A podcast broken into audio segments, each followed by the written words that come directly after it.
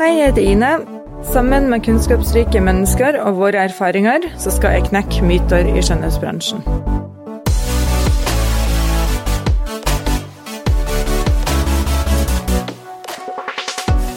Dette er TM-podden om hud, helse og livet. Da er vi klar for eh, episode nummer seks av TM-podden. Og det har gått fort, syns jeg. Det er jo det når man har det artig.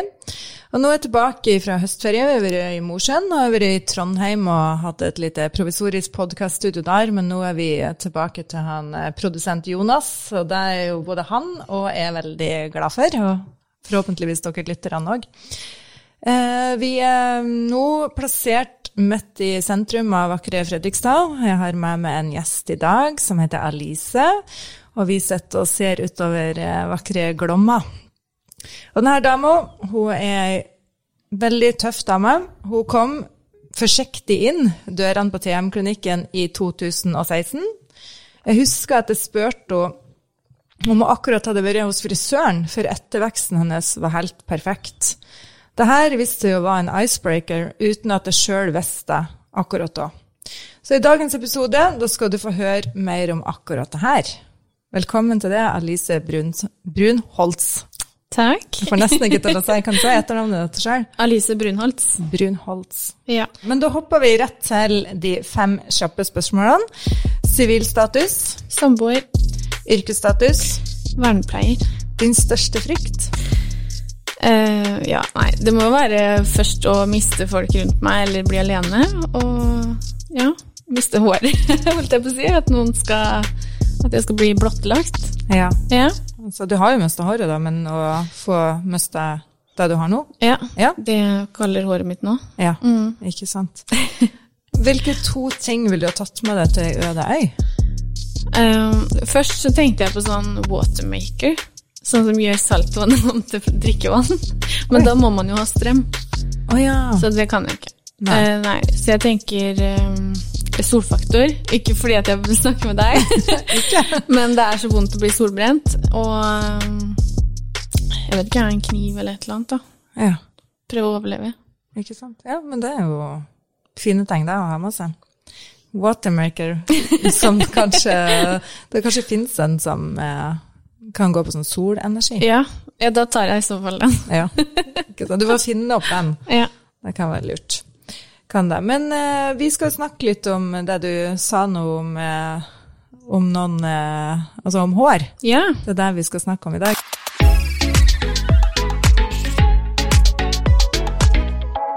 Jeg uttaler det både alopecia og alopecia, men du sa at det heter alopecia. Ja, nå vet ikke jeg, nå har ikke jeg fasiten, men det er sånn jeg i hvert fall har hørt folk snakke om det. Og det er et stort eh, fagfelt, eh, og vi skal ikke snakke så mye fag. Eh, det er ikke det som er poenget med den podkasten i dag, men vi skal snakke om hvordan det oppleves og føles å ha alopecia. Ja. Ja. Men hva er alopecia? Kan du kort si noe om det? Ja. Eh, alopecia er jo en autoimmun sykdom. Og autoimmune sykdommer, da, da angriper jo kroppen sine egne celler og danner antistoffer mot dem. Eh, og i mitt tilfelle da, så var det hårsekkene, Ja. som gjør at eh, håret begynte å falle av, da. ja. Ikke sant. Hvor gammel var du når, eh, når det her skjedde? Det er litt morsomt, eh, for det er akkurat ti år siden nå i oktober. Åh. Det var i oktober 2010, ja. Så det er sånn jubileum. Jubileum for det. Ja. Har du jubileum for det? Nei, det, det var tilfeldig når jeg tenkte over hvor lenge jeg har hatt det. Så jo, nei, det er akkurat ti år nå. Ja. Men hvor gammel var du da? For jeg, 18. Ja. Så du er 28 nå, da. Ja. Ikke sant. Men eh, hvordan var det å være 18 år og Nei, det var jo, jeg husker det var høsten før jeg skulle være russ. Ja. Så det var jo en sånn sårbar tid. Um, men det, det passer jo aldri, da, for å si det sånn. Det, det hadde ikke vært noe kulere nå, tror jeg. Så, men det var jo Jeg fikk jo på en måte først veldig sånn betryggelse fra fastlege og hudlege om at bare vent, det kommer tilbake. For det, det er det som skjer med de aller fleste. At de mister en flekk eller to, og så går det et halvt til ett år, og så er det tilbake igjen, og så ofte ser man ikke noe mer til det. Men i mitt tilfelle så starta det med en sånn femkroning i bakhodet, og så ble den bare større og større, og så kom det en til. Til slutt så fikk jeg liksom opp ved skillen, og da skjønte jeg at nå klarer jeg ikke å skjule det lenger. Nei. Men um, du har jo altså da, for det finnes jo ulike stadier eller ulike uh, alopecia, da. Men mm. du har, hva heter den varianten som du har av det? Alopecia areata heter det. Det er flekkvis håravfall. Ja, for man kan òg ha fullt håravfall. Ja, du kan ha Eller fullstendig. Du kan ha totalis, som er liksom hele hodet. Mm. Og så kan du ha universalis, som er liksom alt på hele kroppen. Ja. Men har du For du har tatovert brynene dine. Ja. Mista du de òg? Ja, jeg har veldig lite Er det på høyre eller venstre? Jeg tror det er venstre, ja, som jeg har veldig lite hår. Eller lite generelt, men nesten ingenting på venstre. Ja. Eh, og så mista jeg øyenvippene en periode òg, på det ene øyehåret. Å oh, ja. ja. Det kan jo være det lille sånn der uh, ikon, liksom, at du har ja, nei, jeg synes det var, nesten, det var nesten verre, eller det var det, enn ja. å miste på hodet. For ja. det, det fins så lite erstatninger. Mm. Altså det snakka vi om Vi var jo morsomme, som jeg nevnte i innledninga mm. i dag, og broren min hadde 40-årsdag. Så holdt uh, alle sånne fine taler til han, og så Jeg hadde ikke skrevet taler til han, men jeg gjorde det underveis i middagen. ja. Så tenkte jeg Jeg kaller den for uh, krig og kjærlighet, den talen. Um, og da sa vi alle sånne der uh, gærne ting han har gjort, både mot uh, oss søsken og venninnene mine, og mot, altså han mot seg sjøl. Og da kom jeg bare på det som var Bryn, for han, jeg husker så godt han var så tøff og kul liksom når han var ungdom. Så en gang så barberte han av seg øyenbrynene. og da var han ikke så tøff og kul. Og da, der har jeg faktisk tenkt på når jeg snakka med det, da. Ja, ja. Det med Bryn, liksom, hvor han altså han syntes jo det var helt forferdelig ja. når han hadde barbert, ja, og, og han så jo helt uh, vill ut liksom, med det der. Og, og han fikk, kunne ikke tegne på, så han måtte jo gå med de der barberte øyebrynene til det vokste ut igjen, men han gjorde ikke det igjen da. Men det, det tenkte jeg på sånn, der er man jo Altså menn kan jo òg ta permanent makeup, f.eks., ja. men som, som dame så er det jo i hvert fall helt uh, ok å gjøre det. Det burde det jo selvfølgelig være for menn òg, uansett mm. om man er alopecia eller ikke. Men men det med øyevipper er jo vanskelig, da, for det er jo ingenting å lime det på. Nei, det var liksom, det var ikke noe å feste det i, på en måte. Så det ble jo Ja, og hvis jeg tok på maskara da, eller så ble det veldig sånn halvveis på det ene øyet. Så ja. det var mer utfordrende, egentlig. Ja. Men du var altså 18 år. Hvordan, hvem hadde du støtte i liksom, da du var 18? Var det venninner? Var det familie? Nei, det første Altså først så var det vel, eh, ja, familie, vel. Mm. Eh, og så sa jeg det til et par nære venninner. Mm. Men det var jo veldig sånn Jeg hadde en, eller jeg har en venninne som er frisør. Ja. Og hun eh, Hva skal jeg si Hun hadde akkurat lært om det på skolen. Ja. så det var litt eh, Det var veldig betryggende, på en måte, at noen hadde hørt om det, da, for det hadde ikke jeg. Men Nei, man må jo på en måte til slutt finne noe trygghet i seg sjøl, at man er mer enn hår. Ja. Men det, du, tenk, du, sa at eh, de legene hadde sagt, både fastlege og hudlege hadde sagt at jeg skulle komme tilbake. Ja. Hva du tenker om det i dag, da, at de sier det, og så gjør de ikke det? Gikk du og håpa lenge før du forsto at det her kommer ikke til å komme tilbake? Ja, jeg gjorde jo det. Eh, og så ja, og så er det jo sånn for de fleste, eller ca. halvparten, så, så, får de det tilbake. Men det er jo også en halvpart som ikke gjør det. Mm. Uh, og jeg kan stadig liksom få spørsmål om ja, har du begynt å komme tilbake noe mer nå, eller uh, Ja, men jeg prøver ikke å fokusere på det, fordi jeg har på en måte allerede vært igjennom en veldig sånn stor prosess på at Altså, man blir skuffa gang på gang, da, for det går lengre og lengre tid. Og jo lengre tid det det er vekk, jo mindre er sannsynligheten for at det kommer tilbake, har jeg forstått. Ok. Uten at jeg er noe ekspert på området, men uh, i mitt tilfelle da, så er det jo ti år, så det er jo Hadde jeg gått og venta på det hver dag, så hadde det jeg Ja. ja. Ja, det hadde jo det. Men, um, men, du sa dere finner tryggheten i seg sjøl, da. Hvordan, hvordan, klarte du det, og har du liksom teknikker for å gjøre det? Er du alltid like trygg på det, eller går det i bølger nå allikevel, sjøl om du er mer voksen og det er ti år siden? Ja, nei, jeg må jo si det går veldig opp og ned. Mm. Uh, det gjør det, for det Ja, man har liksom gode og dårligere perioder hvor man er mer selvkritisk eller sammenligner seg mer med andre eller mm. Eh, og selvfølgelig man, når man får nytt hår, så er alltid håret fint. Mm. Og så etter hvert så blir det slitt, og ja, så, så føler man at ok, her har jeg ikke mitt eget hår, og det jeg har kjøpt som koster kjempemye, det er heller ikke noe fint lenger. Nei. Men sånn er det kanskje for de som har extensions. Ja, ja. Og nå, nå sier jo du da kjøpt hår og, og Ja. håret beslitt, for det var jo et lesespørsmål. Det er jo bruker du, eller har du parykk? Ja. Og det har du. det og det var jo den som var icebreakeren da. Jeg, Ja. jeg så ikke at du hadde parykk. Jeg bare tenkte herregud, så fin ettervekst hun Eller sånn, den var sånn perfekt. Den var liksom ikke for bleika, men eh, den, den var Ja. sånn veldig sånn fin, da. Så jeg, jeg så ikke Du kom jo da og Nå vil jeg understreke igjen da at vi har taushetsplikt, men at eh, jeg og du er enige om at jeg kan snakke om at du har vært på TM-klinikken Ja, ja. og behandlingene som du har tatt. Og da kom jo du for å ta um, hudbehandlinger hos oss, så da er jeg jo veldig nært det. Eh, og jeg. Ja. så jo ikke at, eh, at du hadde parykk. Nei, da, hva skal jeg si, det er veldig sånn Noen kan jeg oppleve at liksom Jeg møter dem, og så ser de meg ikke i øya, for de ser rett opp på hårfestet. Mens andre har jeg liksom kjent i flere uker og måneder, og når jeg nevner det, så er det helt nytt for dem, da. Mm. Så det er veldig Og det å på en måte må man slutte å tenke litt på etter hvert. eh, om folk ser det med en gang, eller om de ikke gjør det. For jeg tror det spørs litt hva slags person man er òg. Mm. Men det er ikke noe du fokuserer så mye på nå, da? Om, om de, var, var du opptatt av det før, at du tenkte sånn å nei, nå ser de at jeg er parykk? Ja, altså jeg, jeg tenker jo selvfølgelig fortsatt på det, men, men altså sånn som jeg starta en ny jobb for et år siden, og da var det en kollega som liksom spurte veldig direkte med en gang, da, sånn Mm. er det er det, er det parykk eller et eller annet sånt noe, noe i den duren? Og, og da liksom Ja, ja, det er det.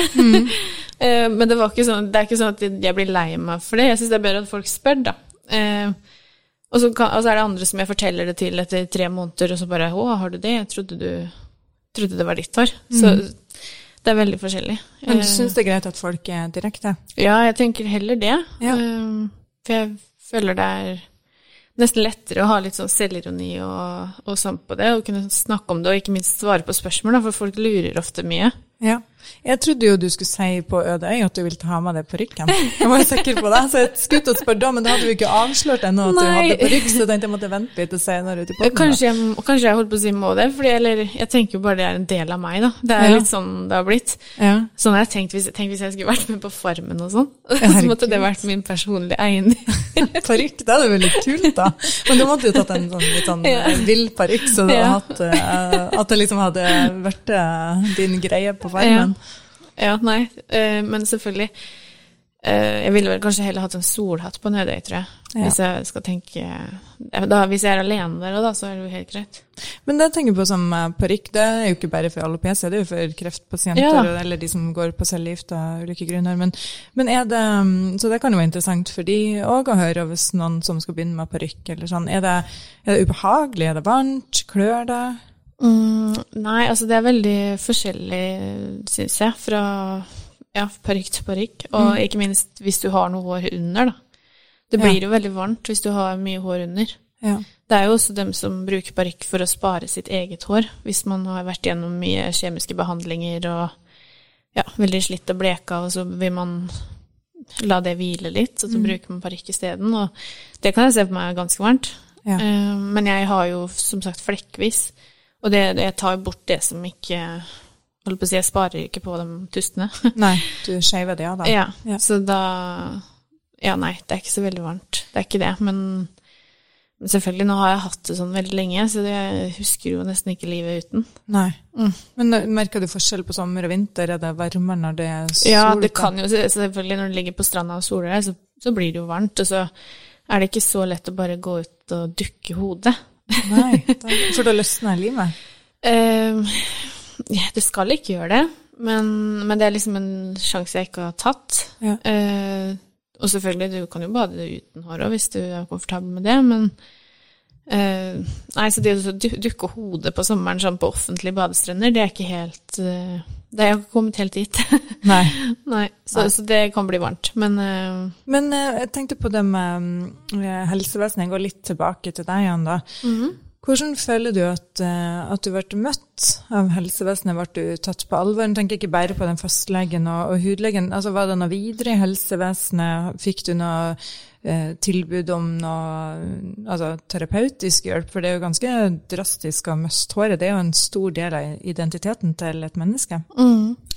Uh, ja, nei, det er et godt spørsmål. Jeg, nei, jeg gjorde egentlig sånn terapeutisk hjelp fikk jeg ikke. Mm i det hele tatt. Det var liksom Det var mer sånn fokus at det her er ikke farlig, og det her er ikke vondt. Så mm. da Og det, det har jeg inntrykk av at sånn er holdningen litt fortsatt, da, sånn eh, Ja, i Helse-Norge. At det, det, blir jo ikke prioritert forska på, fordi det er jo selvfølgelig mange andre viktigere livstruende tilstander som er eh, viktigere, da. Mm. Så, så det, det, var mer sånn at det, Ja deal, deal with it, liksom. Ja. Du nevnte jo venninna di, som, hun som var frisør, eller ja. som er frisør, som støtta det. Men hadde, hadde, du noen andre, hadde du noen voksenpersoner som støtta det? Hadde du lærere? Altså Var det noen rundt deg som Eller sto du mye alene i det? Det var, hva skal jeg si, jeg tror det tok De første to-tre åra var veldig sånn Det var mye hemmeligheter, for å si det sånn. Det var mye, holdt på å si, hvite løgner, og det var var ikke komfortabel med å dele det. Uh, så nei, det var liksom de nærmeste sånn i familien, og, og etter hvert litt flere venninner, da. Mm. Men uh, nei, ikke noe, ikke noe på skolen, ikke Nei. Men når du har gym og sånn, da? Du, du Da, da bare dusja jeg ikke håret, på en måte. Ja, jeg vaska kroppen. Ja. ja. Så du fikk til å, å skjule deg så godt som, ja. det, som det gikk? Og det var jo ja, siste året på videregående, da, så det var jo et mm. halvt år igjen. Så det var jo ikke veldig lenge det var snakk om. Nei. Og da hadde jeg jo fortsatt mitt eget hår før jeg begynte å bruke parykk. Ja, ikke sant. Ja, for det, nå, det tenkte jeg å komme tilbake til det, for nå har vi snakka om, om parykk. Men hvordan fikk du introduksjonen introduksjon om parykk og Ja, eh, Nei, først så brukte jeg sånn clips extension mm. til å bare dekke over litt der det var tynt, på en måte. Mm. Eh, og så skjønte jeg jo sjøl at det fungerer ikke lenger, og da måtte jeg liksom Eller ja, jeg satte meg vel ned og begynte å google selv, da. Mm. Så du fikk ikke noen sånn henvisning av fastlege til noen parykkmaker, eller Nei. Det fins ikke noen ordning sånn? Altså, jeg skal ikke si at det ikke fins, men det var i hvert fall ikke det, Jeg ble ikke introdusert for det. Nei. Nei. Eh, hvordan det er i dag, ti år etterpå, det kan, det kan, jeg ikke svare på. Men jeg, jeg gjorde mye research sjøl, og, og, gjør fortsatt det, egentlig. Du må liksom prøve å feile litt, da. Mm. Men er det noe støtte? Altså Når du har den diagnosen, kan, får du noe støtte fra det offentlige til å kjøpe røyka? Ja, du får jo, så lenge tilstanden er kronisk, så får du en uh, støtte av Nav. Ja, den er vel på Vanligvis er den på rundt 5006 eller et eller annet sånt nå. Mm. Men nå har det kommet en ordning for de som er under 30, hvor vi får to ganger 25 000 i året. Ja. Så det hjelper veldig. Ja. Men det er jo nå, nå er jeg 28, da, så det begynner å Ja, Så etter det så får du ikke noe? Jo, da får jeg 5006, eller ja. ja den, det. Og det, det, er jo ikke mye i forhold. Nei, det er jo ingenting. Så jeg håper jo at innen jeg blir 30, at det har blitt utvida. Ja. Det burde det. er jo like ille å være uten hår eh, når du er over 30 som Ja, 30. jeg tenker jo det er jo da man har liksom kanskje etablert seg og fått masse lån, uh, har mange andre utgifter. Ja, og barn. Eh, barn, eller ja. Det er, jeg tenker det er ikke noe Det er ikke noe morsommere å betale for håret, håret du mista da. Nei. Nei. Så rart egentlig at, at, det er sånn. Men det er vel sånn i, i ganske mye, ikke bare ja. i det her. Men, ja, jeg vet barn under 18 får jo enda bedre dekning, på en måte, støtte. Men ja. Så vi får bare se. Det, det, er jo et politisk spørsmål, så ja. ja. ja. det er jo det.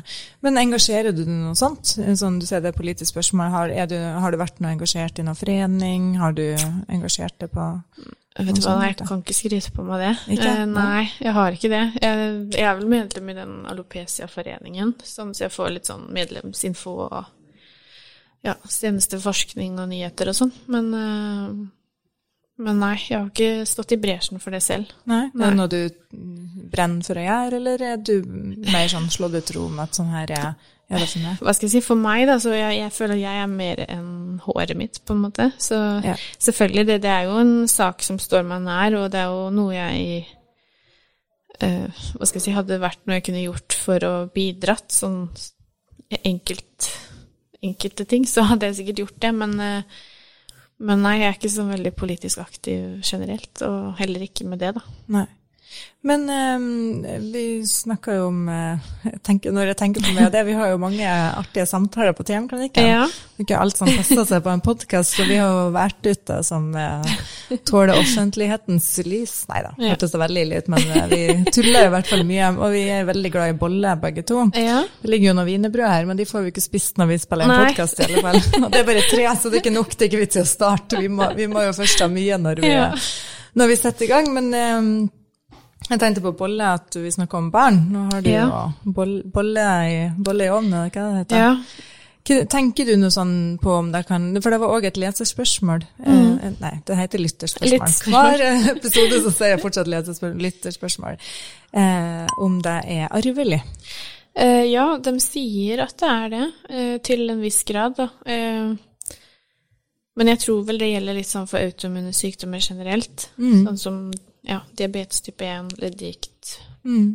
Jeg leste litt sånn om Ja. i går, bare for å være litt sånn forberedt, og da sto det nå òg eh, at de som har diabetes type 1 kan få barn med alopecia, at det òg kunne være Ja, en, jeg tror liksom det er variant av en, kanskje en svakhet i det med autoimmun Altså immunsystemet, da. Ja. Um, så kanskje jeg får et barn som har ja, diabetes, eller kanskje ikke jeg får et barn som har noe sykdom i det hele tatt. Ja. Men, men eh, eh, jeg vet ikke om noen i min familie eller slekt som har hatt alopecia. Nei, ikke noen andre autoimmune sykdommer heller, som du vet om? Nei, ikke Nei, ikke det jeg vet. Nei.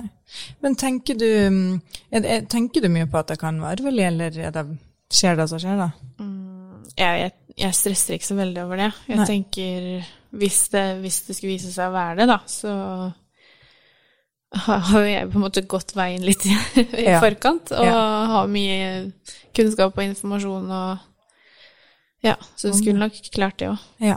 Mm. Det er jeg helt sikker på at jeg hadde. Men eh, tenker du at det er For du er jente, ikke sant? Eh, Ja. Da, er du sikker på det? Du er, du er jente, ja. Um, for det tenkte jeg på i går, jeg lurer på om det er verst liksom, for gutter eller jenter å miste håret. og så tenkte jeg helt sånn spontant, det må jo være jenter, ikke sant? Ja. Men nå tenker jeg sånn, det er jo nesten lettere for jenter med, da vi snakker om permanent makeup, Ja. og kjøpe parykk, altså, at det kanskje nesten er verre for gutter at, eh, at de kan oppleve at de har mindre hjelpemidler enn jenter her. Ja, jeg tenker jo det, det første jeg tenkte var jo at ja, det må jo være verst for jenter. Men, eh, men jeg tror egentlig at det er veldig personavhengig, da. Hva du Ja, og hvordan du, hvordan du takler motgang, rett og slett. Eh, og selvfølgelig, det er jo mer akseptert at en gutt shaver av seg håret, for eksempel, da. Hvis det bare er snakk om flekker på hodet. Mm. Men man har kanskje ikke de samme mulighetene som du sier med ja, permanent makeup, den type ting. Mm. Men jeg vet det finnes ganske bra hårerstatning for gutter også.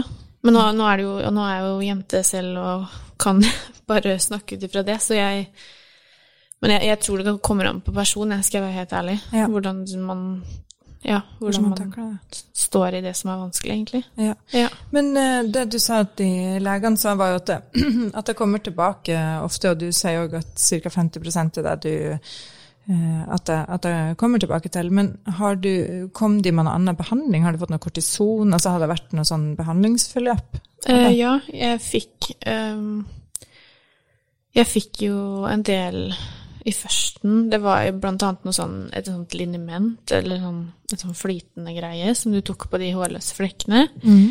Og så fikk jeg um, uh, sånn kortisoninjeksjoner i hodebunnen. Ja. Sånn, akkurat som en sånn insulinpenn. Sånn mange, mange, mange stikk da, over hele hodet. Var det vondt?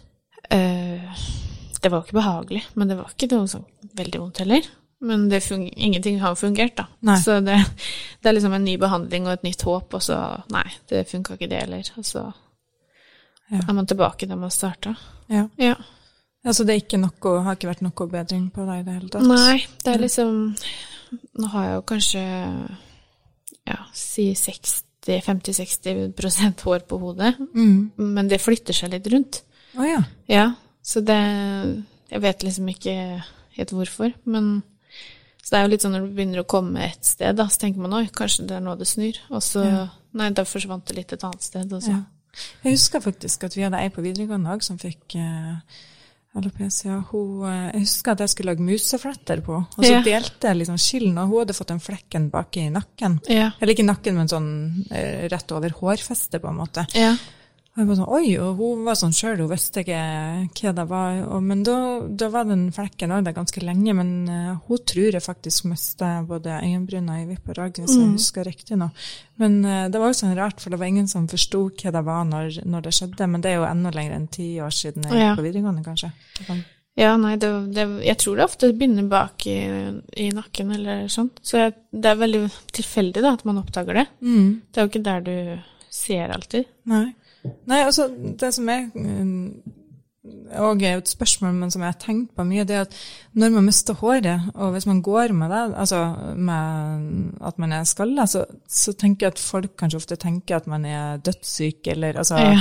Ikke dødssyk nødvendigvis, men veldig Ja, ja. syk. Mm.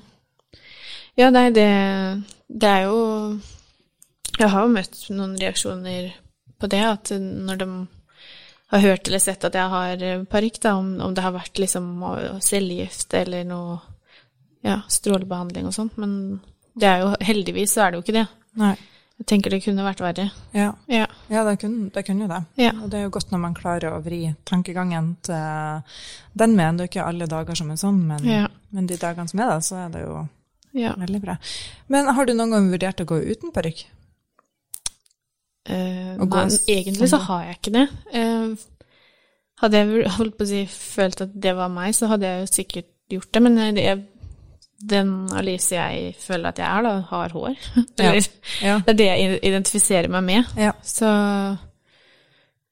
eh, jeg kan fint gå uten sminke eller gå på butikken i en joggebukse eller et eller annet sånt, noe, men å gå uten hår, da føler jeg det det blir litt sånn, Du mister litt en sånn kroppsdel, føler jeg. Eller, ja.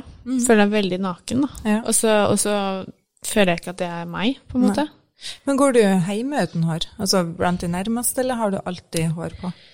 Uh, jeg, jeg kan ta det av meg, på en måte, men jeg føler meg bedre med. Ja. Ja. Så du, du skeiver ikke hodet liksom fremfor andre hjemme? Da er du alene? Det blir litt sånn, Du shaver som regel ikke noe annet foran noen andre heller. Jeg må ikke. Nei, I hvert fall ikke Jeg, jeg gjør ikke det. nei ikke heller. heller. så, så det er bare Men altså, samboeren min ser meg jo uten hår stadig vekk, og jeg Ja. Det, det er ikke noe sånn at jeg går og gjemmer meg. Det er ikke det. Nei, Nei, men samtidig så går jeg ikke til postkassa uten hår heller, liksom. Nei, det er ikke det. Nei, jeg gjør ikke det. Ikke sant? Det er så, det, jeg syns det er kjempespennende å høre på hvor de, hvor de grensene går. Da. Ja. Nei, det er ikke noe jeg liksom har bestemt at det skal jeg absolutt ikke gjøre, men det bare faller seg ikke naturlig. Ja, gjøre. Nei. Men husker du liksom første gangen han eh, Det tenkte jeg òg faktisk å snakke om det her med kjærester når man er 18, da. Liksom, hvis du traff en du var på date med, eller når du traff Ja. han Truls som du er samboer med i dag, Ja. liksom, sier du på første daten bare ja, forresten, jeg bruker parykk? Uh, nei, det var, det var litt morsomt det der, fordi han eh, Jeg husker han spurte om For da hadde jeg helt, helt lyst hår uten noe liksom farga inn ettervekst. Så husker jeg han spurte om jeg farga etterveksten ofte. Og da skjønte jo jeg at å ja, du vet ikke, du.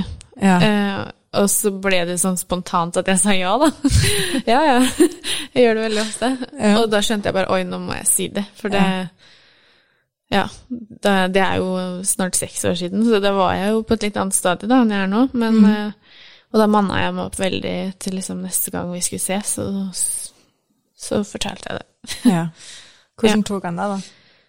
Nei, han, han trodde jo først jeg skulle si noe veldig alvorlig, da. For jeg Ja. la det jo veldig opp sånn. Det var jo veldig big deal for min del. Ja.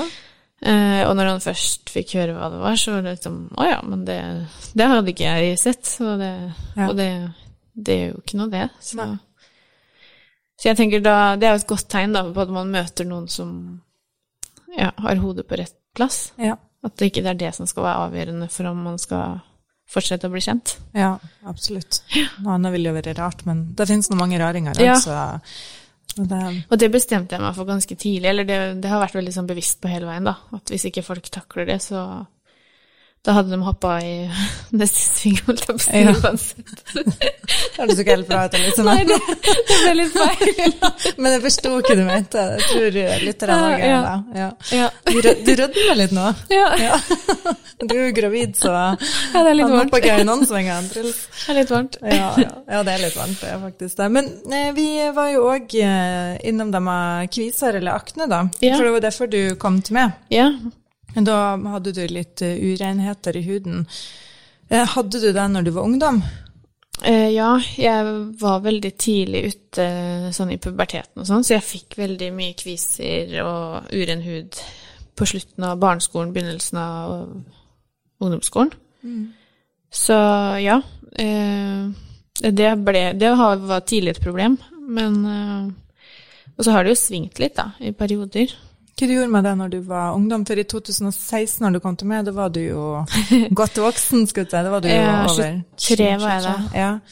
Så hva du gjorde i ungdomstida? Uh, nei, jeg, jeg gikk vel til fastlegen og fikk noen kremer og litt sånn. Men uh, ja, så ble man jo oppfordra til å ta solarium og ja, tenk på det. alle de tinga der, da. Ja. Eh, Av fastlegen, eller sånn generelt av folk? det skal jeg ikke si helt sikkert, men det, det var Ja, det var i hvert fall noen kjerringråd som sa det. Ja. Ja. Ja. Ja, det, det er jo en sånn gammel hudmyte at man skal ta sol for, eh, for det, men det skal man jo absolutt ikke Nei, gjøre. nei. Og, og for hudkreft så skal man jo ikke ta solarium. Nei. Bare for å avkrefte den eh, myten enda en gang. ja. Eh, Men eh, det var òg faktisk et lesespørsmål om du mista håret og fikk kviser samtidig, men da gjorde du jo ikke det, da. Da fikk du jo kviser Ja. først. Men hadde du kviser i den perioden når du begynte å miste håret? Hadde du altså påvirka begge delene det like mye? Ble det mest håret verre for at du hadde kviser da, eller? Jeg må jo si, altså, det er jo mer eh, Hva skal jeg si, kanskje mer sosialt kjent, da, det med kviser. Det er mer eh, Nesten hver eneste ungdom får jo det, i større eller mindre grad. Så, så, så det var jo ikke like nedtur, på en måte. Og, og det føltes ikke like permanent heller, for de kommer og går litt og sånn. Uh, uh, og det, jeg kan ikke huske at det her var noe sånt som skjedde samtidig.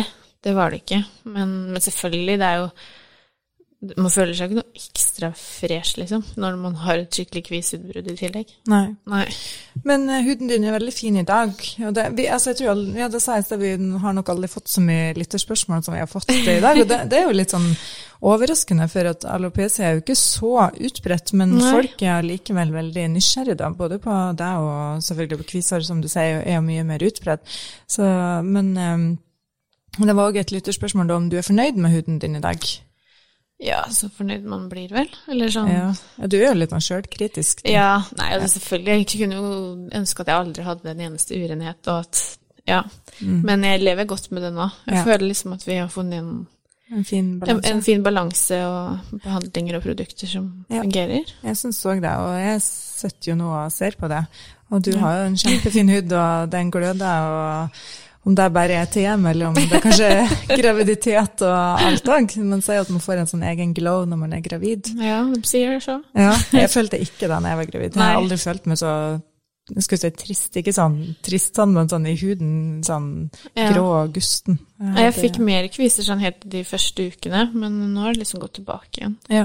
Ja, du ser veldig fin ut. Men nå har vi jo bare kjørt litt mandelpilinger når du har vært gravid, da. Men, Ja. men før da så har vi jo kjørt mye pilinger og mye Dermapen. Ja. Eh, for det er jo òg alltid litt sånn spørsmål hva har du gjort, og hvilke produkter bruker du? Mm. Eh, og pilinger, da har vi jo veldig mange ulike varianter i ulike syrepilinger, er jo det man eh, bruker. Og der tilpasser jo vi som behandlere da, hva som, hva som passer til den enkelte sin hud, og produkter òg Det er òg mange som spør sånn, ja, men hva bruker hun, og hva bruker den? Men det er jo egentlig litt Altså, det er ikke så interessant hva, hva naboen bruker, på en Nei. måte, eller venninna bruker, for at det er jo ut ifra din hudtype. Mm. Men du har nå i hvert fall brukt ganske mye neostrata.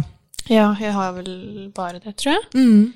Vi har funnet linjer som funker Ja. godt for det. Men så du, du er jo en, en fast kunde, så det som er bra da, det er jo at jeg som behandler, eller den på TM som er behandler, eh, kan òg skifte ut hudpleierutinene når vi ser at det trengs det ut etter årstid, ut etter Mm. hudtilstand, etter utbrudd på kviser, eller at huden er rolig, at vi kanskje jobber Ja. mer på gløden, ikke sant, og, og sånne ting. da. Og Dermapen, hvis du skal fortelle da, hva er Ja. Dermapen? Du som, det er litt artig å høre en, en kunde fortelle hva, hva er en Dermapen. Eh, er det ikke masse nålere som går litt under huden?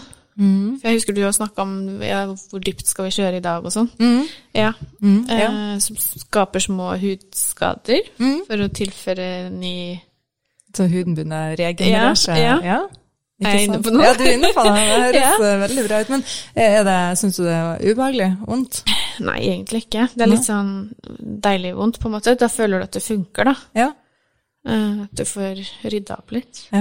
Ja, og da får man jo. Ja. Så, men du er absolutt inne på noe. Det er jo elektrisk penn, da. Så det er vel 16 år det på den nyeste mener som, som vi har nå. Og man lager kontrollerte skader i huden, så, så den begynner. Og det er fint både for akne og ikke minst arr. ja. Eh, For det er faktisk òg et eh, lytterspørsmål. Det var jo det her om du har jobba med rødhet i huden og, og med arr. Eh, Jeg skal ikke si at jeg jobba med det veldig sånn spesifikt. Nei. Og du har jo som, altså en hudtype 1 til 2, altså en, en lys hudtype. Og det er klart at eh, det er ikke like mye arrdannelse i den eh, hudtypen som det er i, i, eh, i de som er litt mørkere, da. Men, så, men, men det kan det være òg, så ikke, det er aldri noe som er helt eh, Det er alltid unntak fra Ja. regelen, eh, uansett hvem man snakker om, nesten. Men vi, vi jobber mye på de med hudtype 1 til 2 og med arr, men, men du har ikke så mye arr. Nei, det har ikke vært så veldig mye sånn Hva skal jeg si bilder, liksom. Jeg har, det har vært mer overfladisk, da. Ja. Mm. Helt enig. Ja. Du har hatt mer sånn eh, enkelt forklart overfladiske ja. kviser som ikke har gitt så mye arr og sånn. Men, eh, men du har gått regelmessig og tatt behandlinger, mm. og du uh, gjør nå det ennå. Ja. Ploppa inn bestillinga jeg ser. Og var. Ja, jeg må skynde da vi åpna listene. Ja. Det er og vi, det man blir jo litt kjent, da, for du har jo gått eh, regelmessig ja. Ja. i hvor mange år blir det? da? Fire år? ja, å være så det. det ja. Så vi har jo fått snakka masse under de tidene, og det er veldig artig. Jeg har fått fulgt det fra, fra da. Jeg husker, Ja. og jeg føler meg òg litt sånn um, ja, det her med graviditet, og vi Ja. har snakka masse om uh, Husker sist gang så spurte du meg om fødselsdepresjon. Ja. Og da sa jeg jo det. Nei, jeg var så ung når jeg fikk han Lea, så jeg visste ikke at det fantes noe som heter fødselsdepresjon. Og det, du jobber jo i psykiatrien, så det er klart at du kanskje eh, kan de her tingene bedre enn meg òg, da. Men eh, ja, sånn litt sånn dype spørsmål har vi snakka om. Og, og jeg husker òg første gangen jeg så det uten hår. Ja. Ja, og jeg husker at, at det var sånn der liksom eh, Åssen skal jeg reagere ja, nå? hvordan skal jeg reagere? For at, helt ærlig, jeg har nesten ingen problemer med noen sosiale settinger. Jeg, kan omgås hvem som helst på en måte, og oppleve hva som helst. Det er veldig vanskelig å sette meg ut av sånne ting, da. Ja. Men der kan jeg si at da ble det sånn Oi, skal, skal jeg se? Skal jeg se litt bort? Skal jeg liksom Altså, jeg syns det var det, Ja, det men eh, så tenkte du noe på det? Nei, jeg tenkte bare at det her er jobben hennes, så det her, det her går sikkert fint. Ja, ja, men det gikk jo veldig fint. ja. Ja. det. Så- Og så Men jeg følte meg liksom beæret at du liksom tok av det håret framfor Ja, meg, nei, men det, hva skal jeg si, det handler vel om hvem du er òg, da. At det er en man kan ta av seg håret for. Jeg tar det som et kompliment, jeg vet ikke om det er ja, nei, det er det absolutt. Altså at man føler at det Og så var det vel Ja, det var jo for å Jeg tror det var liksom vi tok det for at det ikke skulle bli så mye klin når jeg Ja. tok annen behandling, da. Ja, når vi, når vi kjørte pilinger og den, Ja. så ble det alltid så mye klin i, i parykken, Mm. si, så det var veldig greit å, å ta den av. Ja, og så hadde vi jo allerede snakka om det, og det Ja, Ja. det var det. Det var ikke noe skummelt i det hele tatt. Nei. Og du er veldig sånn flink, da du låser jo døra og sånn. Og folk- Gjorde jeg det? Ja, du har liksom Ja. låste behandlingsrom og sånn, så altså ingen skulle komme sånn Ja. busende inn. Det er jo sykepleieren som tenker på bl Ja, ja. bluferdighet. Ja, bluferdigheten, ja. Ikke sant? At, Mm. man skal, at man skal skånes litt. Så det, det føles jo ekstra trygt, på en måte. Og så, ja, så har vi jo Du har sett meg mange ganger uten hår etter det, så Ja, nå tenker jeg ikke over det. Nei. Nå kunne du jo satt deg her uten hår uten at jeg hadde, ja. Uten jeg hadde tenkt på det. Men det ligger jo bilder av det på nettet uten hår, for jeg, jeg googla faktisk det for uh, Jeg husker noe, det var noe før eh, podden. Jeg skulle sjekke etternavnet, tror jeg det var. Og da, da var det et bilde av det uten hår. Ja, det fins et bilde, Uh, for jeg husker Ja, det, og det var egentlig litt Det er litt morsomt, fordi det var eh, Jeg tror det var i 2013 at jeg fant ut at nå orker jeg ikke å ljuge lenger, da. Når folk spør om jeg har satt på extension eller farga hår eller et eller annet. Så jeg tenkte at nå må jeg bare få det ut. Mm. Uh, Så jeg oppretta en blogg bare for å skrive ett oh. innlegg. Bare sånn Det her er meg, og det her har skjedd, og sånn er det. Ja. Og da la jeg med ved et bilde, da. Og det er liksom det som syns, eller det, det som fins. Det det som fins. Ja. Ja, og da husker jeg liksom lokalavisa tok kontakt, og det var Ja. Vart en sak? Ja, da ble det liksom Men det Ja, det syns jeg egentlig Det var liksom vendepunkt, for da, da slapp jeg tenke etter hvem er som vet og ikke vet, og Ja. det er bare etter det så har jeg bare gått ut fra at alle vet. Ja. Ja, og gjør de ikke det, så å ja, ok. ja. Da skal jeg fortelle deg. Ja, da skal du få høre. Ja. Men det var litt artig òg at den alopecia-foreninga tok jo kontakt på Instagram i går, på, Ja. på min Instagram, da, og syntes det var så stas og bra at vi eh, snakka om det her temaet. Ja, det, jeg tenker jo det at det, det forsvinner jo ikke om man ikke snakker om det. Så det. Og det er jo veldig For meg så har det blitt en veldig naturlig del av ja, hverdagen, da. Det Mm. med hår og ikke hår og Ja. Men er det mest unge eller eldre som får nerver, vet du det? Jeg tror det er unge. Altså sånn i tenåra tror jeg ofte det kommer, da. Ja.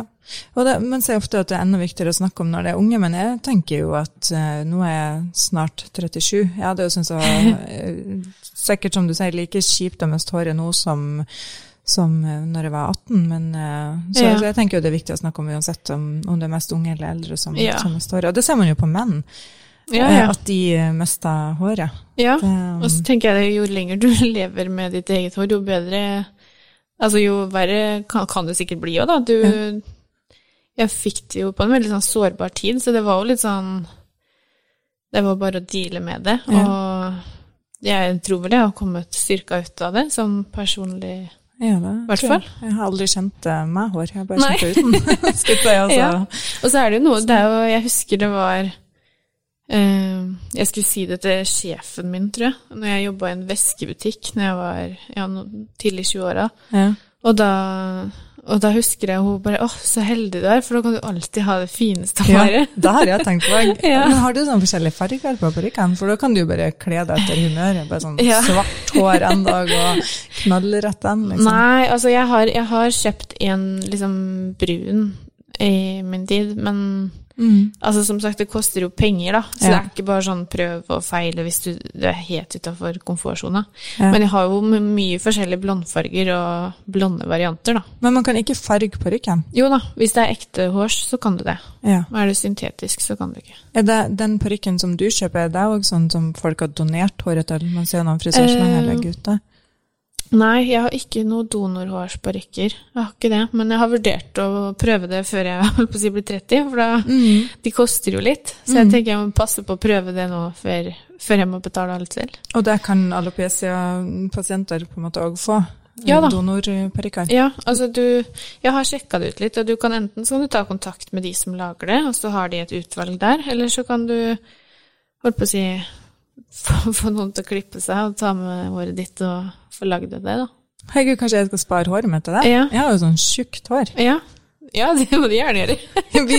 Folk syns jo vi er like fra før, da kan Ja. du jo få mett hår. Ja, og det hadde vært gøy. Jeg vasker det litt sjelden, kanskje du syns det er heslig. Ja, men da er det sikkert uh, godt uh, godt tatt vare på. Ja, men jeg tror jeg bare bleika etterveksten, så resten var hele tida. Ja, nei, det, det er, jeg, man ser jo det, det er jo innimellom, så ser man jo i media sånn at eh, barn eller andre har klippa seg for å gi bort håret sitt da, til noen Ja. som trenger det litt mer. Jeg ser det ganske ofte. Ja, det Det har Det er blitt en sånn greie nå Ja. at, eh, at folk For jeg har aldri noen sånn mening med det håret mitt. Enten så lar jeg det bare gro ut, eller så klipper jeg det. Men da, Mm. kanskje jeg skal la det gro, så du, kan du få det. Ja, det er Jeg tror det er Apollo Apollo heter dem som driver med det i Norge. Mm. Og de har liksom avdelinger over hele landet, så enten om du gir det til noen du vet trenger det, eller om du gir det til dem, så kommer det i hvert fall til nytte, da. Ja, jeg vet at uh, han frisørmester, eller han, det er jo hun, ei som heter Stine, som driver det nå, men Vidar Jacobsen her Ja. i byen, Mm. de tror òg har en sånn parykk, Ja. eh, at de tror de det- de lager er- parykk òg. Ja, de er, de, de er i den Apollo-kjeden. Å ja, de er i den, ja, Mm. ikke sant. Men du bestiller noen av dine parykker på nettet, gjør du ikke det? Eh, ja, nei, jeg bestiller det meste på nett. Jeg har vært noe i Oslo og sånn, og på, på et par salonger der, men eh, det er mer utvalg i utlandet. Ja. Det er jo det. Også... Er det rimeligere å kjøpe det fra utlandet? Ikke nødvendigvis, det er ikke det, men, eh, men, men mye av det er billigere. Ja. Kan du Eh. bruke den Nav-støtten på parykker i utlandet, eller må det kjøpes i Norge? Ja da, du kan bruke den støtta på det. Du får bare omregna dagens kurs når du sender inn kvitteringa. Ja. Men selvfølgelig, da må du legge ut, da, så du må jo ha mulighet til det. Ja. Eh, Kjøper du fra salong i Norge, så kan de ordne med Nav. Ja. Ikke sant. Men husker jeg husker en gang du eh, Det du sa òg med den eh, frykten din. Ja. og, og bli tatt, tatt av håret. Ja. Eller revet det, Stemmer. av. Ja. Og den eh, jeg husker når du Da kom du til meg faktisk etter det hadde skjedd, da. ja. Uh, og den eh, kommer jeg aldri til å glemme når du fortalte. Da var, det litt sånn, da var du litt uh, oppskaka. Ja, jeg var litt sånn jeg, Ja, var litt i sjokk, egentlig. At liksom Shit, det skjedde. Ja. For jeg tror vi hadde tulla om det før. ja, det er at, jo sånn- eh, herregud, tenk er jo sånn skjer at skrekkscenario. ja, river av det håret. Altså, ja. Hva var det som skjedde? Nei, det var Jeg husker jeg hadde feira bursdagen min med noen venninner, og så var vi på et utested her i byen. Mm. Eh, og så var vi, sånn som jenter ofte er, da, flere inn på én do, så det Ja. tok litt tid. Og så var det noen utafor som sto og banka og ropte og holdt på. Eh, Det var mange doer, da, men vi var liksom den nærmeste. Og så når vi kom ut da, så, så, så skulle vi jo gå, da. Og da tror jeg hun hun som hadde stått og vært så sint for at vi hadde brukt lang tid, hun skulle liksom stoppe meg, tror jeg. Så hun dro tak i håret mitt liksom for at jeg ikke skulle gå, da. Ja. Og så sto hun med det i hånda, tror du. Nei! Jeg Ja. bare ikke. Ja, Men, og, og jeg, hadde, jeg var jo sammen med to venninner, og de kom jo bak meg, og de sa jo at du skulle sett ansiktet hennes. Stakkars, hun trodde sikkert at hun reiv av det dett hår. Ja, ja, eller jeg vet ikke hva hun trodde, men jeg tror det nesten det var verre for henne enn for meg Ja. der og da, fordi altså, hun rev det ikke helt av, men det var liksom sånn på midten av hodet, da. Ja. Så jeg fikk liksom stoppa henne, eller stopp, holdt tak i håret, og så bare gått videre, og så setter jeg det jo på igjen eh, på to sekunder. Men ja. Men sa hun noe etterpå, da? Nei, jeg, jeg bare gikk. For jeg husker at jeg bare tenkte For den var, var litt aggressive, den var litt ufine, så jeg tenkte jeg skal ikke havne i noe bråk, i hvert fall, for Nei. at jeg har vært lenge på do. Ja. Så jeg bare gikk, og så Og så hadde hun vært, sett ganske sjokkert ut, da. ja. Så jeg tror de fikk litt å snakke om. Da fikk du jo stoppa en eventuelt slåsskamp om at håret for halvveis Ja. isteden. Men kunne du le av det den kvelden, eller syns du det var veldig Eh, kjipt da? Nei, det var litt sånn Jeg lo og gråt litt om hverandre. Jeg Mm. ble litt sånn sjokkert. For jeg, altså, man føler seg ikke så veldig kul da, at eh, man har blitt blottlagt, da. Nei. Men samtidig så ble jeg jo også litt sånn Ja, nei, det, sånt skjer. Og Eller det er litt sånn Det har jeg venta på de Ja, det var sikkert åtte år, da. At Ja, det her kunne skje. det Så nå var det litt sånn Nå har det skjedd, og det gikk greit. Og det var liksom Det var, det var ikke så mange som så det. Nei. Nei. Ikke sant. Nei, da, da Dine venninner har jo kanskje sett det Ja da, de, de hadde jo sett det, og dem, de, Ja, de syntes jo det var veldig ille. Mm. Herlig. Ja. Men eh, jeg tenkte på eh, Vi skal begynne å runde litt av etter hvert her, men jeg, har en eh, Det her med skjønnhetsbransjen snakka vi om i forrige podkastepisode. var liksom Ja. litt sånn for og imot. Vet ikke om du har hørt den? Jo da. Nå tester jeg, har du hørt på ja. podden? Ja. Nå har du hørt alle når du skal være med sjøl. Ja. Det er koselig at du har hørt det. Men altså, du som Jeg vet ikke helt hvordan jeg skal stille spørsmålet, men eh, du som eh, på en måte du, Det er jo veldig sosialt akseptabelt at du får en parykk, iallfall. ja. At du tar permanent makeup. Um, hvordan altså, du som har medisinske grunner for det, Mm. hvordan syns du om at skjønnhetsbransjen liksom pynter på ting som kanskje ikke trengs, da? Altså, Forstår du spørsmålet? Ja, jeg forstår. Men hvis man skal sette det på spissen sånn, så trenger jo ikke jeg å ha parykk heller. Jeg, jeg, jeg, kunne jo gått på gata uten. Det er jo kosmetisk og overfladisk. Mm. Så, så, jeg føler jo på en måte at jeg kan ikke si noe på det. For jeg, jeg bruker jo erstatninger sjøl, på en måte. Eller jeg pynter jo på sannheten med vilje. Ja. Uh, jeg tenker det alt med måte, mm. og at man kanskje bør prøve å gå litt i seg selv om hvorfor man gjør det, da. Mm. Uh, jeg tror det er fort gjort å bli litt sånn bitt av basillen og bare skulle ha mer og mer. Mm. mm. Og lære seg å Ja, eller som du sier, gå litt, gå litt i seg sjøl. Ja. Men der gjelder det å gå til en behandler som sier nei, da. Ja. Det er jo lurt. Ja, ja det, det. Det, vet jeg du gjør. Ja, ja. jeg gjør det. Strenge, strenge damer. Nei da. Ja, det er bra. Det, det er jo betryggende, da. Da vet man at man ikke ender opp på helt uh, ja. ja. Det er jo fint når det er naturlig, tenker jeg. Ikke sant. Ja, jeg er mm. helt, helt, enig i det. Men du, du har mer sånn aksept da for at det er greit å pynte på seg sjøl med måte? Ja, mm. jeg tenker Og sånn som for min del, da, nå, nå, nå har jeg kjent på viktigheten av å ja, ha litt ålreit hud, og ikke minst kjøpe det håret jeg har lyst på, mm. fordi at jeg ja, har det ikke naturlig, da. Mm. Men tenker du at du kanskje har mer aksept for at du har fått kjent på hvordan det er å ja, må være uten hår, f.eks.? Jeg, jeg tror vel at det er veldig aksept for at når en jente mister håret, så velger man å bruke en type hårerstatning for det. Det, mm. det tror jeg er veldig aksept for. Mm. Eh, og det blir jo veldig sånn elementært da, eh, i forhold til f.eks. For fillere og andre, andre pynte, pyntebehandlinger. Ja. eh, men jeg tror, tror, som sagt det er viktigere å kanskje heller tenke litt mer på hvorfor. Mm. Eh, og, og, så er det jo kjedelig hvis alle ender opp å se like ut, da. Mm. Alle har den lille nesa og de store leppene og mm høye skinnbeina, liksom. Ja, ja det må vi jo unngå. Ja. Det, og det er jo bransjens ansvar og behandleres et ansvar at, at, man virkelig unngår det. Ja. Mm. Yes, nei, da tenker jeg at vi Har du fått sagt det du Er det noe du tenker på i forhold til både akne og alopecia som du ville informert om. De, de Alopecia-foreninga forresten sendte meg informasjon om hvor man kan kontakte dem, så det skal jeg legge ut ja. på storyen min. Da kan jeg tagge det i den òg, så kan du ja. dele det hvis det er noen lyttere i dag som, som trenger å ta kontakt med de. Mm, mm. Det tenker jeg er fint. Det er jo mm. Jeg tenker det er sånn generelt at det er bedre å være litt åpen og spørre enn å ja, lure og hviske og tiske, da. Jeg tror det er åpenhet er med på å fjerne mye stigma og tabu. Ja. Mm. Jeg tenker ofte at det handler om hvilken måte man spør på. Ja, ja, absolutt. At det er som Alle tåler å få et spørsmål, men man ja. må bare spørre på en ydmyk og hyggelig måte. Ja. tenker jeg. Har du noen ukas tips helt til slutt, da? Uh, det har jeg tenkt litt på. Mm. Uh, Spise en bolle eller to? Eller ti? ja. Kose seg litt. Ja. vi, vi, kan jo ikke kose oss litt, så Nei. det er kanskje det som er Ja, med, alt med måte. Alt med måte. Uh, nei uh, jeg, jeg, tenker et tips som jeg prøver å skal følge sjøl, er å starte med julegavene tidlig. ja, det er ikke så ja, dårlig tips. For det Så Men nå har det sikkert med at jeg er gravid og har eh, termin i januar, da. Så jeg tenker at det er litt sånn viktig å få unna den litt tidlig. Ja, kan, kan men, Og så blir det vel sånn redebygging. Du begynner vel å liksom ordne opp i alt nå, så alt er Ja, ordne litt. Må jo det.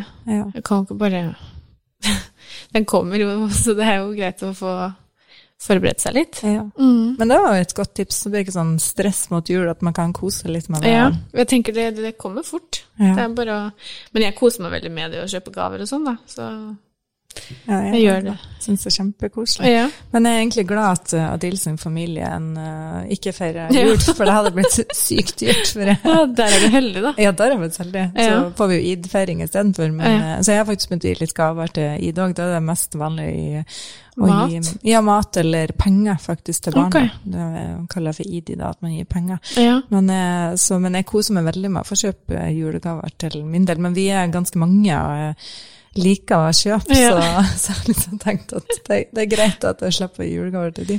Ja. Men uh, de har begynt å mase òg, faktisk, for de syns det er koselig, så de, uh, de kommer gjerne når det er jul. Ja, de gjør det?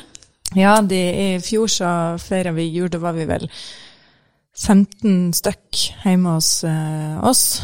Vi lagde jul til Ja. kusina mi og hennes unger og mann, og ja, vi var flere i familien som var der, slekt og familie.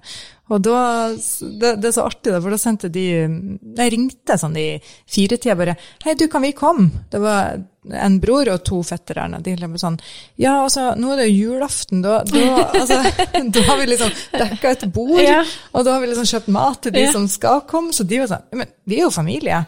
Jeg var sånn, ja, men du vet, i denne liksom, tradisjonen så sier man ifra da, liksom, Ja, før man skal komme. Men jeg bare, ja, men kom nå da til vi skal åpne pakker og sånn, så da kom de til pakkeåpning, og så fikk de Men de, de var liksom, de syntes det var kjemperart, for de kjenner jo med på en annen måte. De kjenner jo med i i en kultur der du ikke nødvendigvis spør om å komme. Altså, Mm. Ja. da, da kommer jo bare, og jo flere, jo bedre, ikke sant? Så, Ja. Sånn at eh, så det må jeg tenke på til i år, at de òg må få komme, og at det er laga nok mat. Eller, men det var faktisk, altså Man tenker jo alltid at det er for lite mat, men det var jo selvfølgelig masse mat igjen. Så de fikk både mat og ble litt lite julegaver på det, da. Men um, Det er ikke verst at de kom, da. Eller det er jo så fint at man kan hva skal jeg si, komme fra forskjellige kulturer og religioner, men Ja, fortsatt være sammen i høytidene. det er kjempekoselig. Og jeg hadde ønska meg et par sånne fine Louis Vuitton Jeg kan nesten ikke si det. Heter det? Louis, jeg er så dårlig ute av navn, men jeg tror det heter det. LV kan vi si, det, og så er vi sikre. Så jeg bare sånn, å, jeg ønsker meg det. Så de hadde faktisk dratt og kjøpt de til meg for Å, ja. å ha en fin julegave. Såpass, ja. Mm. Så de er Da er de velkomne, vel. Ja. Så jeg kan jo gi et tips til de tre da, til jul. Begynn med julegaver nå, så blir det ikke så dyrt til de skal komme. Ja, og ikke så mye mas. Mm. Ja. Men jeg tenker på til de tre, Å, da. ja, ja, sånn, ja. At, de, at de begynner nå å Ja, spare hvis- litt penger. Hvis de inviterer dem nå, vet du, så Ja. vet de at da At de må ha, Og Ja. da vil jeg én gave fra hver. Ja. Nei, men det var et godt tips, Elise. Så at vi begynner med Ja. Elise med S. Ja, Mm. Det er viktig, da. ja det er viktig. Det er viktig. Ja. Tusen takk for at du kom, og masse lykke til med babyen. Jo, tusen takk. Takk for at jeg fikk komme. Bare hyggelig. Ha det bra. Ha det. Ha det.